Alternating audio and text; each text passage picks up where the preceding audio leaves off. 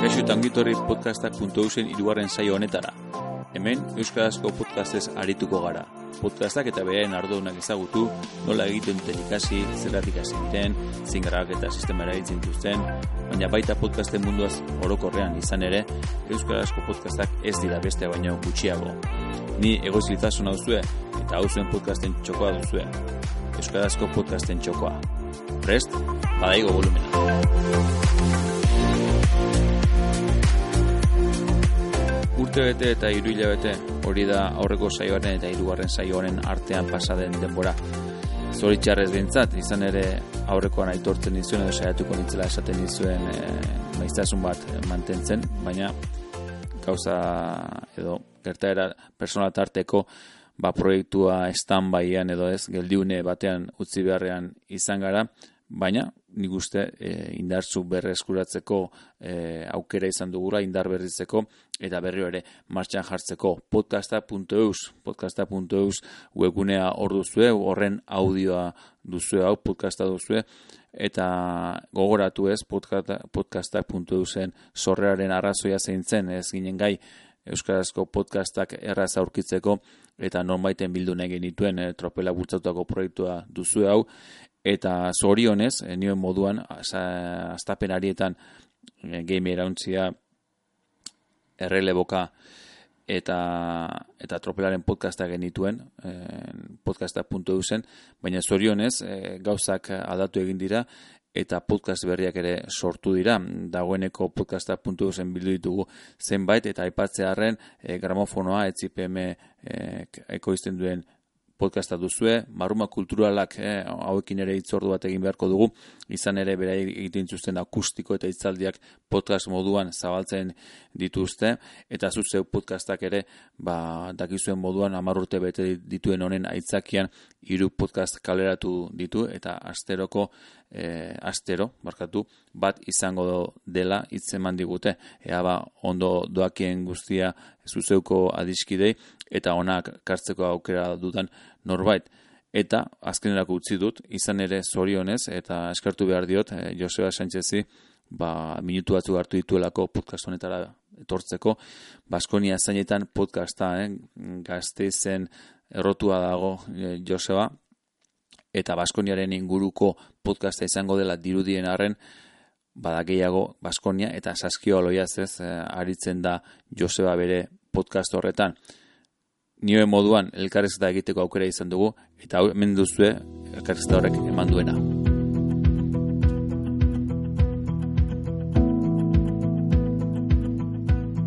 Gaur elkarrezketa bat eh, egin nahi genuke, eh, podcasta.eu zen, lehen aldiz, eh, aspaldiko parte ez podcast bat eh, egiteragoaz, eta eta zorionez, podcast gehiago aurkitzen ari garen honetan, Baskonia zainetan podcasta ezagutzeko aukera izan dugu eta Josebarekin sola salditxu bat izateko ere bai.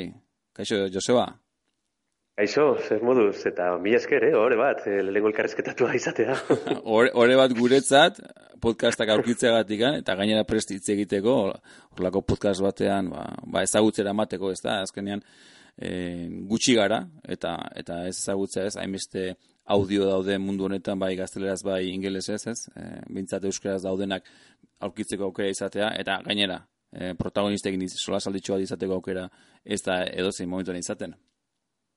Bueno, ba, posten dago benetan eta egia da, eh, esaten duzuna, eskotan, e, irratxa jo, e, apartak egiten dira, baina jendeak ez, ez, ez dira aurkitzen, ez? E, ez da bat erraz horrelako podcastak aurkitzea, eta, bueno, ba, iragarki pizka bat ematea horrelako egitasmoei ba oso dago bai.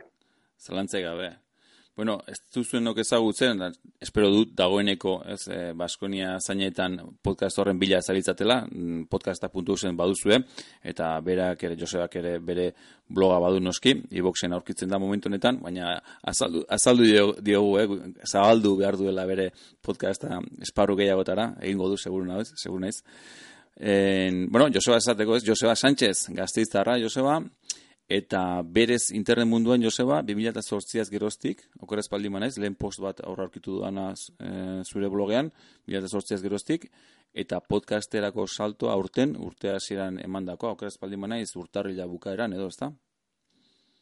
Hori da, bai. E, bueno, betianik izan naiz e, saskibaloi eta baskonia sale amorratu bat, betianik, e, jaio, jaio baino lehen izan nintzen. Eta bai, 2008an, bueno, ba, e, garai hartan ez zegoen ez e, e, internet orain e, garatua dagoen bezala, ez? Eta, mm bueno, ba, nire lehenko bloga, ba, nahiko arrakastatzua izan zen, eh? ez, ez dakit zergatik, baina ondo erori zen e, garai hartan, eta, bueno, gara hartan erdaraz egiten duen e, bloga, e, Baskonien mm -hmm. bena, zuen izena. Eta, bueno, e, hasi nintzen e, horrekin, eta, bueno, ba, blog horrek, ba, ate asko ireki zizkidan, ez? Eta, mm -hmm. sartu nintzen baita ere irratian, saldi batzuk egiten, e, irrati, irrati askotan sartu nintzen egia zen. Eta, bueno, ba, 2008-tik egon naiz ba, mundu horretan pizkat sartuta, eta horten erabaki nuen, ba, bueno, e, Ba, irratsaio gehiegi zeudela gaztelaniaz eta oso gutxi euskaraz. Eta, bueno, mm pentsatu nuen, agian, e, podcast bat euskaraz e, egitea ideia ona izango zela, ez? Eta, bueno, ba, abian jarri nuen, e, Baskonia zainetan podcasta, eta egia zen, ba, arro nago, egiten dudan lanaren e, gatik, eta posik nago, ba, eukiduen arrenarekin. Beraz, bueno, orain arte, primeran nago, bai.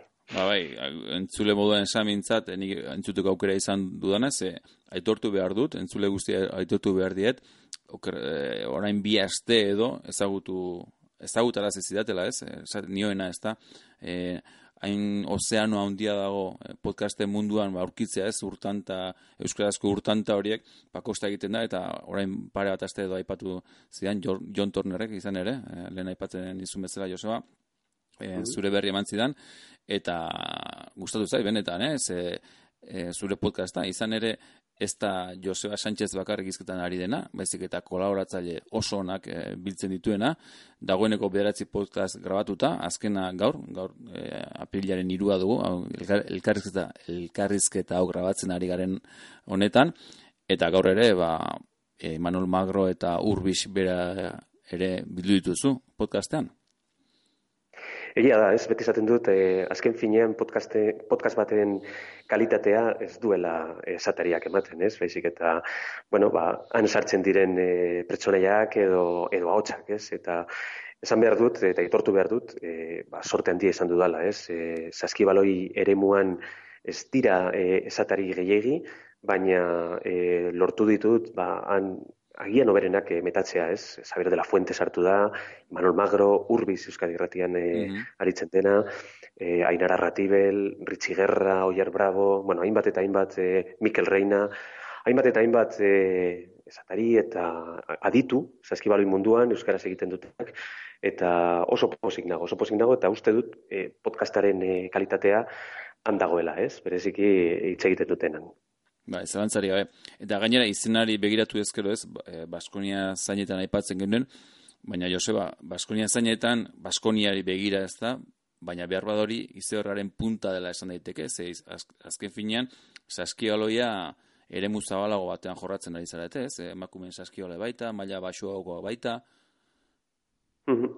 Egia da, ez, e, saskibaloi oro e, jorratu nahi dugu zeren, Bueno, Baskonia zeinetan izena ez da kasuala, Baskonia zeinetan da e, 2008an hasi nuen e, izenarekin, eta bueno, ba, niri irratsaioa Baskonia zeinetan deitu nahi nion, baina e, argi dago bakarrik e, e, bakarrik Baskoniari buruz e, podcast bat egitea ez duela zentzurik, ez?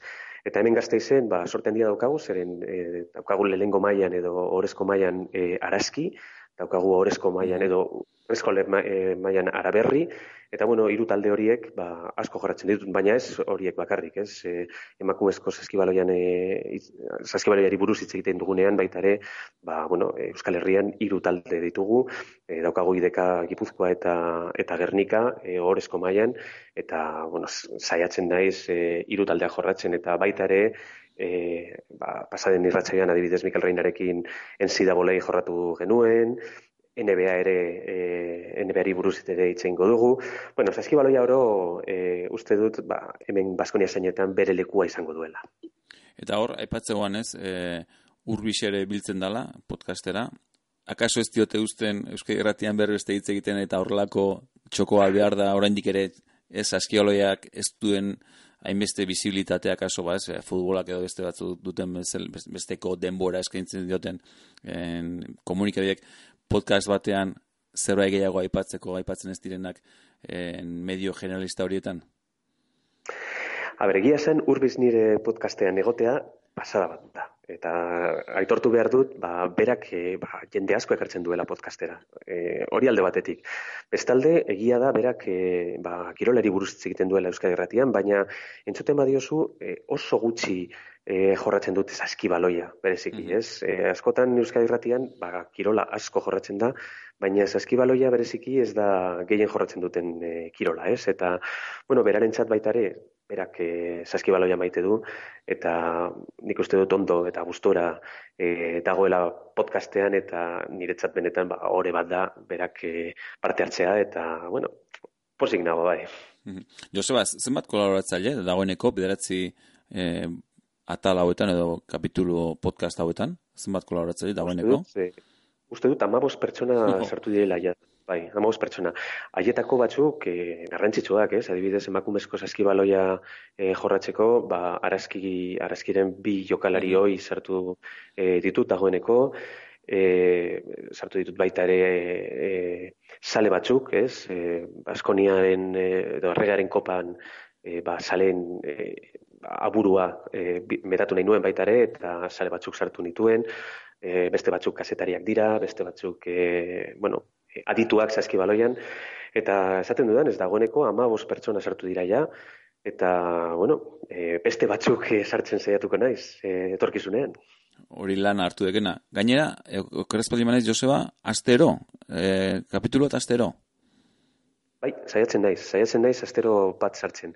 Adibidez, orain bi ez nuen e, podcastik egin, zeren, bueno, subia izan zen eta mm -hmm. nik ere ba, opor txiki batzuk hartu nituen, baina bestela saiatuko naiz e, aste azkenero podcast basti gotzen. Zeren, azken finean uste dut, horrelako podcastak e, e, entzuten dutenei e, pizka bat e, e, zer jateko eman behar diogula, ez? E, bestela, ba, ba, bat entzun dezakete eta gero e, podcasta utzi, ez? Baina astero zeo zer ematen badiezu, azkenean fideltasuna ba, handago eta entzungo dute. Mm -hmm, gabe. Eta podcastaren e, luzarari inguru, iraupenaren inguruan, hor badaukazue o badaukazu zerbait e, pentsatuta bare ez hainbeste denbora edo edo irtetzen den moduan edo hori nola daukazu pentsatuta?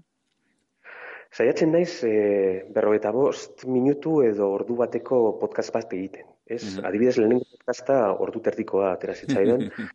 eta, bai, asko, e, pertsona askorekin hitz da, ba, esan zidaten, ba, luze egia izan zela, ba, agian, ba, e, ez dakit, bidai batean entzuteko, edo kirola egiten entzuteko, edo, Eta, bueno, erabaki nuen, ba, pizka bat motxago egitea e, ba, podcasta, ez? Baina, beste adibidez Final Forra hemen gazte izen gertatzen denean, ba, ziurazki ordu batekin ez da nahikoa izango. Zabantzai, gabe. Alde teknikora joan da, Joseba, e, komentatzen zenun, ez, e, iboxera jotzen duzu, nik uste plataformarik ezagunena, ez, e, eta akaso doakoa dalako, ez da, e, Espainia mailan ibox bera bera dela, grabatzerako garaian, nola modatzen zara, enbeste eh, esatari leku bera miltzeko edo, eta gero prestaketa egin eta podcasta igotzeko? Ba, egia esan nahiko rudimentarioa naiz. E, ez naiz bereziki aditua e, informatika ere muan, e, eta bueno, ba, podcasta hasi baino lehen, ba, bi edo lau laguni galdetu nion, e, bata e, ba, gazteiz lan egiten duena, e, e, Nacho Mendaza, eta berak esan zidan, ba, bueno, ba, aplikazio edo app batzuk daudela ba, mugikorrean sartzen badituzu ba, horrelako e, konferentziak e, ondo grabatzen zirela. Eta bueno, horrekin hasi nintzen, ez? ACR APPa e, mugikorrean sartu nuen, eta nahiko ondo funtzionatzen du. Eta gero nire ordenagailu eramangarrian, ba, Audacity sartuta daukat, eta horrekin editatzen dut e, musika, e, ahots guztiak, eta, eta irratsaio osoa. Beraz, bueno, nahiko rudimentarioa. Espero dut e, etorkizunean pizka bat e, teknifikatu gehiago, e, ikusi beharko dut nola, baina zehor zer pizkat landu, landuagoa egin. Baina bai, orain e, ba, pizkat rudimentarioa. Eta esaten duzuna ez, e hasi nintzen, eta badakit e, ibox agian ez dela plataformarik onena, zeren e, zuk esan duzunez, ez? E, adibidez euskara, bai, e, podcasta egotzen duzunean, e, galdetzen dizute aber seizkuntzetan dagoen e, ez eskutzatan dagoen e, podcasta, eta mm -hmm. zuk hautatzen duzu euskara, baina gero ez, ez dago euskaraz podcastik e, aurkitzeko, aur, oza, ez, oso zaila da. Euskara. da. Euskara jarri ezkeo beste irratitako podcastak eta bar, eta ez da erresa bilatzen ez. Beraz, beste plataformaren e, batera jo beharko dut. bueno, eta aparte podcasta.eu zera, ez da? Ez, batzen nuena, ez? Hasiera azkenean, e, proiektua podcasta.eu tropelati datorren proiektua, e, orain dala urte eta erdi, bila eta amazazpi bukaeran, hasi ginen horrekin, bi podcast bakarrik grabatuta zoritxarrez, baina atzera ematen ziguna edo bintzat nolaiteko oztopo aurkitzen genuna hori da, ez, lehen aipatzen genuna. Ez, ba, ez dela erreza euskarazko podcastak aurkitzea, badirudi, ba, orain ez dait, e, azizaretela, kasu honetan, e, Joseba zeure podcastagatik ez, aurten podcast, e, podcasta prestatzen, gehiago ere bazarete, eta, eta bueno, e, podcasta.u zen helburuare hori da pixka bat ezagutzera matera, eta, eta era ezberdinetako podcasta biltzea, ez da, ez e, eskiolo izaleak e, segurenez Baskonia zainetan entzungo dute, txirundula izaleak tropelako behar entzungo dituzte, eta seguru gehiago eta gehiago izango direla, eta dagoeneko batzu ja biltzen ari garenak podcasta.eu zen. Baina bai, zalantzari gabe, Joseba, seguru gainera erritmo honetan bazabiltza, ez, astero bat grabatzen, seguru teknika hori, hobetze joango dela hori, seguru saskioloian ez da, e, tiro libreak entrenatzea bezala izango da. Hala da bai. Eta bai, bueno, e, niretzat ogore bat da egitasmo horretan e, barruan egotea, ez? Zeren, e, bueno, e, nire podcasten maila ez dauka zer ikusirik e, zurek, zurearen erekin adibidez, ez? Baina, e, bai, saiatzen naiz eta, bueno, han barruan egoteak, ba, e, beste puntutxo bat ematen dio e, ba, podcastari, ez? Eta e, podcastak euskeraz e, zabaltzeko nire ustez ba egitasmo horrek ba, e, lan handia egiten duela eta benetan ba eskerrak eman behar dizudala ba barruak egoteagatik. Bueno, zue azkena ez espagara euskaldunok elkarri laguntzen arituko, ez? Nik uste zaila izango zaigula denoi ere aurrera egitea, eta azkenean, eh, bueno, lotzen ez gure egitasmoak, ez tropelaren egitasmora bueltatuz, ez azkenean bila eta bosta hartan tropela sortu genuen ere asmo hori zen, ez interneten e, euskararen presentzia izatea, eta audioa ere, uste Joseba, garrantzitsua dela euskarazko audioak ere izatea, seguru guztio konsumitzen dugulako bai gazteleraz naiz ingelesez edo beste hizkuntzaren batean, beste atzerriko podcast horiek, hori bai dela profesionalak, zenbait bintzat, e, baina beharrezko dela gure are, gure hizkuntzare hori izatea. Eta elkarratuta nik uste errazago izango zaigula guztioi eta entzule ere bai espero dugu eskertuko dutela entzulek ere Hala da bai, bueno, nik e, baita ere esan dizut, eta eh, argitu nahi dut, e, ez nahi zela Euskaldun zarra. E, podcasta egiten dudala, eta Euskaraz egiten dudala, baina e, Euskaldun berria nahi zela. E, oraindik Euskaraz ikasten ari, Euskara ikasten ari nahi zela. Eta, bueno, askotan izlatzen da, e, gero e, batzuetan podcasta entzuten dut berri dut nahi, ama, zean nolako akatsak bai, ditudan hemen. Baina, bueno. Nik ez da, ez da antzema olako Joseba, benetan, eh? eta, eta nik uste horrek ere, e, jende askori zer pentsatu eman behar diola, ez? E, pos, ni, ni posa handia ematen dit, e, jakiteak e, euskara ikasten ari den bat ere gai dela maila honetako podcast bat sortzeko, nioen bezala ez, e, akaso teknikoki hobetzeko margena dagoela, hori beti nik uste guztio dugula, ez, erabatera edo bestera hobetzeko, baina beratzi podcast e, grabatzea e, urte hasiratikan lehen aipatzen genuen bezala ez, e, horrelako e, esatariak edo e, kazetariak eta bilduaz e, maila horretako ezagutza euskarazko audio batean sartzean nik uste horrek horre baduela e, meritua eta gainera euskaldun berri izan, izanik euskarazko ba, aipatzen zenuen bezala ez, berroita hor minutu ordu beteko podcast bat grabatzea, jo, ba hori dela txalotzekoa, eta segu, eta arre, zer pentsatu eman berkulik beste askori, bakaso animatzeko naiz eta euskaldun berri izan ez, podcasta grabatzera. Ba bai, ala da, ala da, zeren azken finean, ba, euskara, Euskara bizitzea ez da bakarrik Euskara menperatzea, baizik, eta, bueno, e, bakoitzak daukan maila daukala, ba, erabiltzea Euskara eta zabaltzea, ez? Azken finean hori da gure erronka bintzat. Zabantzea gabe. Joseba, podcasten bat haitzen dezuna Euskaraz dakizuna edo beste hizkuntzaren batean? Jo, ba, begira, Euskaraz egia, egia esan ez ditut gehiagi ezagutzen. Mm -hmm. E, entzuten ditut adibidez, e, tap aldizkariak egiten dituen podcastak, e, eta oso onak iruditzen, e, iruditzen zait, zer, bueno, e, han egiten dit, e, elkarrizketatzen dituzten pertsonaiak, ba, itxelak dira, ez? Eta podcast horiek entzuten ditut e, astero. Baina, horietaz aparte, Euskaraz ez ditut e, podcast gehiagirik e, aurkitu, egia zen. Eta beste ez bai. Bai, gaztelaniaz bai, ez? E, bueno, saskibaloi munduan asko daude, e, dobles figuras adibidez, e, tirando a fallar oso divertigarria dena, e, norbaiti gustatzen bazaio saskibaloia tirando a fallar entzuk behar duen, bai bai.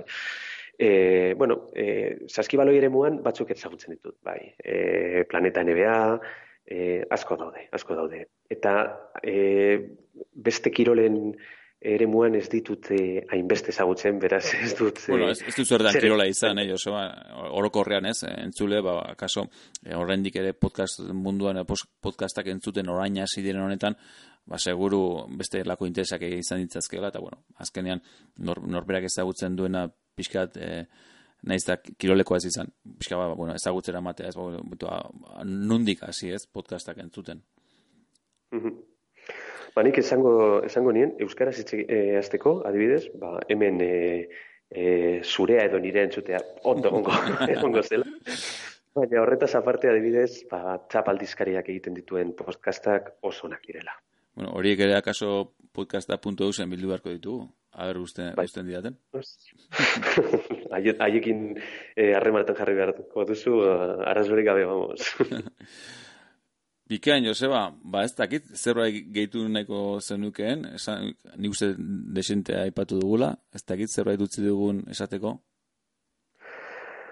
Ba ez dakit, eh, nik animatuko nuke horrelako eh, irratsaioak egiten, ez? horrelako podcastak egiten eh, jendeari zenen askotan pentsatzen dugu ba, horrelako podcast bat egiteko eh, ba, aditua izan behar zarela edo informatikan eh, ba, oso ona izan behar zarela Eta ez da egia, ez da egia. Askotan, bueno, ba, aditu izatea, ala ez, ez da hain garrantzitsua, e, ba, grinaz gauzak egitea baino, ez? Eta informatikarekin, ba, ba, nire dibidea argi dago, ez? Ni ez nekien ezer podcasti buruz. Eta ezerretik, ba, zerbait sortu dut, ez? Ziurazki etorkizunean pizka bat e, hobetuko dut, baina bueno, ez da in, ez da in, e, zaila, beraz, e, animatuko nieke. Ez du hor dago, beraz. Bueno, ba, Joseba baskoniazainetan.blogspot.com webunean aurkituko duzue. E, podcastean genion bezala Baskonia zainetan e, iboxen, eta podcasta.eusen ere hor txoko bat egin diogu besteen artean. Eta Twitterren Joseba, e, Bask Bena, ez da? Bask Bez, e, Bena Ubez, guztia batera, hor, hor zaude. Bask Bena, eta hori bai den daukala historio bat, zeren e, bazbena e, dator Baskonien benatik, mm ez? Hasieran pentsatu nuen ba, e, Twitter kontu berezi bat e, sortzea Baskonia zainetan e, ba, iragartzeko, baina gero pena eman zidan zeren jo, hain, hain, hainbat urte e, Baskonien bena eginda eta hainbat jarraitzaile izan da, ba, uste nuen eh, hori eraldatu behar nuela eta mm azkenean eraldatu. Baina egia da, sartzen zarenean, jo, basbena ube hori, han, ba, ez da zaidala batera gustatzen, baina bueno, handago. Eta... bueno, historiaren parte, ez da? Historiaren parte. Onartu da, bai. Ba, eskerrik asko, placer bat. Ba, eskerrik asko zuei, eh? eta beretan ohore bat eh, elkarrizketa hau egitea eh, egin izana, zeren, bueno, oso, oso, eh, oso eroso sentitu naiz, eta eh, espero dut eh, ba, entzuten ari direnei interesgarria iruditu izana. Zalantzea, plazera gurea. Hau izan da irugarren saioak eman duena. Gogoratu podcast hau eta euskarazko beste asko podcasta.eusen arkituko dituzuela eta bertan zuen iruzkinak ere jartzeko aukera duzuela. Gurekin harremanetan jar, jarri nahi izatekotan podcastak abildua podcasta.eus elbidera zuen emailak ideal ditzakezue. Eta ez ahaztu zaez sozialetan ere aurkitzen garela Twitterren abildua podcastak, Facebooken podcastak horri gaude, eta Instagramen ere podcastak izenarekin aurkituko gaituzue. Eta ez ahaztu, entzun eta zabaldu.